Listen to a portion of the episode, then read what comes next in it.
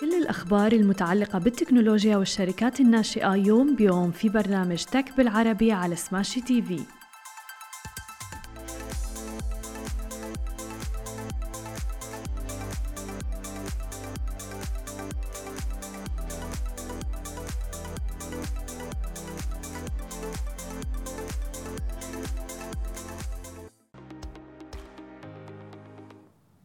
صباح الخير. عناوين اليوم إسرائيل والإمارات توقعان اتفاقية للتجارة الحرة لدعم الاقتصاد بين البلدين.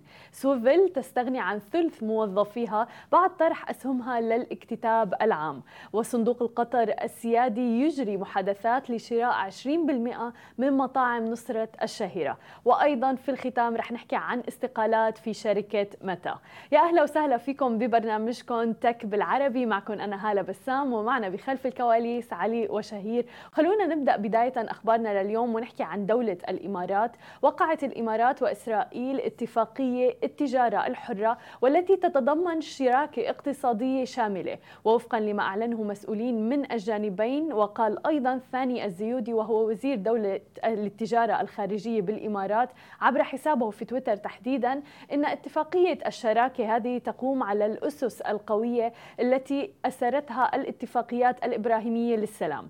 وأيضا على إثرها رح يرتفع حجم التجارة غير النفطية بين البلدين إلى أكثر من 10 مليار دولار خلال الخمس سنوات المقبلة. وبالإضافة إلى ذلك غرد الزيودي واصفا الحدث بأنه فصلا جديدا في تاريخ الشرق الأوسط. وتأتي هذه الاتفاقية بعد عدة أشهر من المفاوضات التي كانت وقد بدأت في نوفمبر 2021 تحديدا. ووفقا للتقرير التي نشرته فرانس 24 في أبريل نقلا عن وكالة الصحافة الفرنسية بتتضمن الاتفاقية إلغاء الرسوم الجمركية على 95% من السلع المتبادلة بين البلدين. وفي تقرير نشرته رويترز أيضا في سبتمبر يستهدف البلدان زيادة النشاط الاقتصادي إلى أكثر من تريليون دولار في السنوات العشرة المقبلة. وبلغ حجم التجارة بين إسرائيل والإمارات 900 مليون دولار عام 2021 تحديدا. وبتتوقع إسرائيل أن يبلغ حجم التجارة 3 مليار دولار في ثلاث سنوات.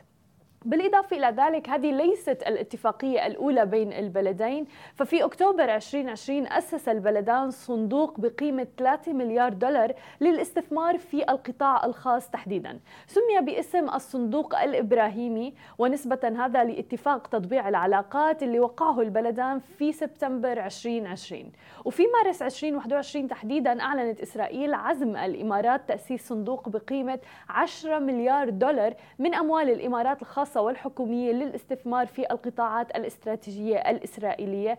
وطبعا كل هذه الاتفاقيات ستدعم الاقتصاد بين الدولتين. وبالإضافة إلى ذلك رح تدعم فعلا قطاع التجارة بشكل كبير.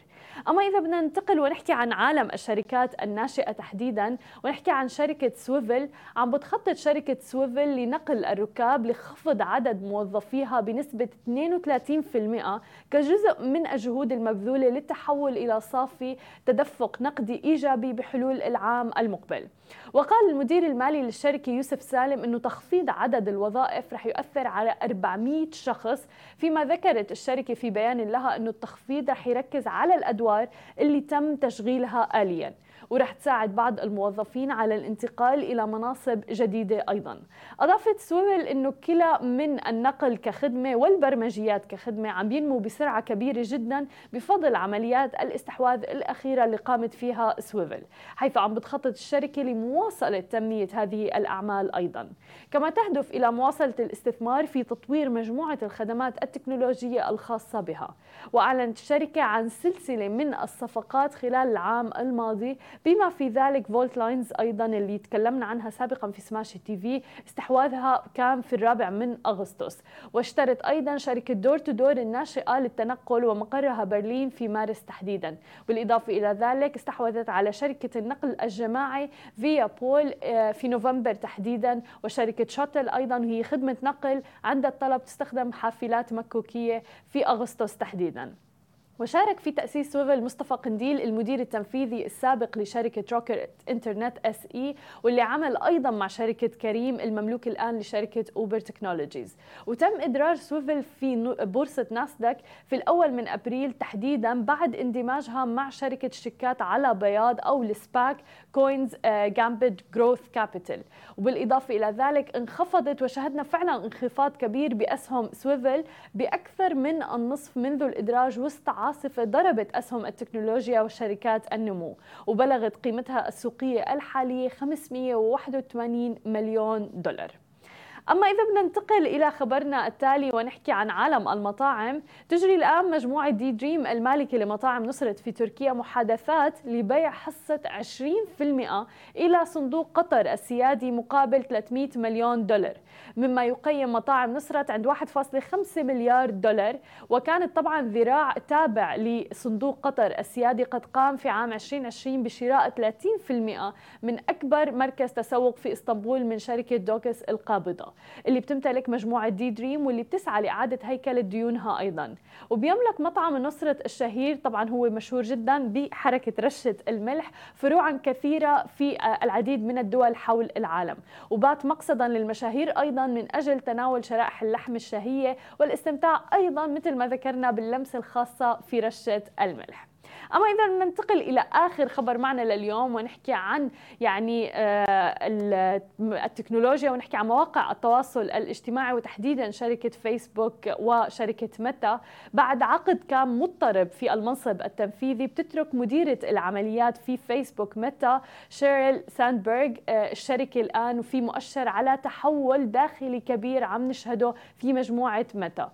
وبصفتها الملازم الأول للرئيس التنفيذي مارك زوكربيرغ منذ عام 2008 أشرفت ساندبرغ على جزء كبير من عمليات الشركة اليومية المترامية الأطراف واللي واجهت الكثير من التحديات والفضائح أيضا بالفترات الأخيرة. بيتزامن رحيل شيريل ساندبرغ عن منصب الرئيس التنفيذي للعمليات مع محاولة ميتا في إعادة تعريف خدماتها كشركة رائدة فيما يصفه مارك زوكربيرغ بالميتافيرس وهو دفع للواقع الافتراضي ناشئ وغير محدد إلى حد ما. ويجادل النقاد بأن إعادة العلامة التجارية لها علاقة كبيرة جدا بإعادة تأهيل الصورة العامة الرهيبة للشركة واللي اكتسبتها عن جدارة. تحقيقا لهذه الغاية رح يصبح أيضا الاسم الجديد رسميا في 9 يونيو حيث من المقرر أن يتحول مؤشر الأسهم حتى الخاص بالشركة في وول ستريت من فيسبوك إلى ميتا. هذه كانت كل أخبارنا الصباحية لليوم. ما تنسوا تتابعونا على كل مواقع التواصل الاجتماعي الخاصة بسماشي TV. تسمعوا البودكاست تبعنا وتنزلوا ال application. نهاركم سعيد جميعاً.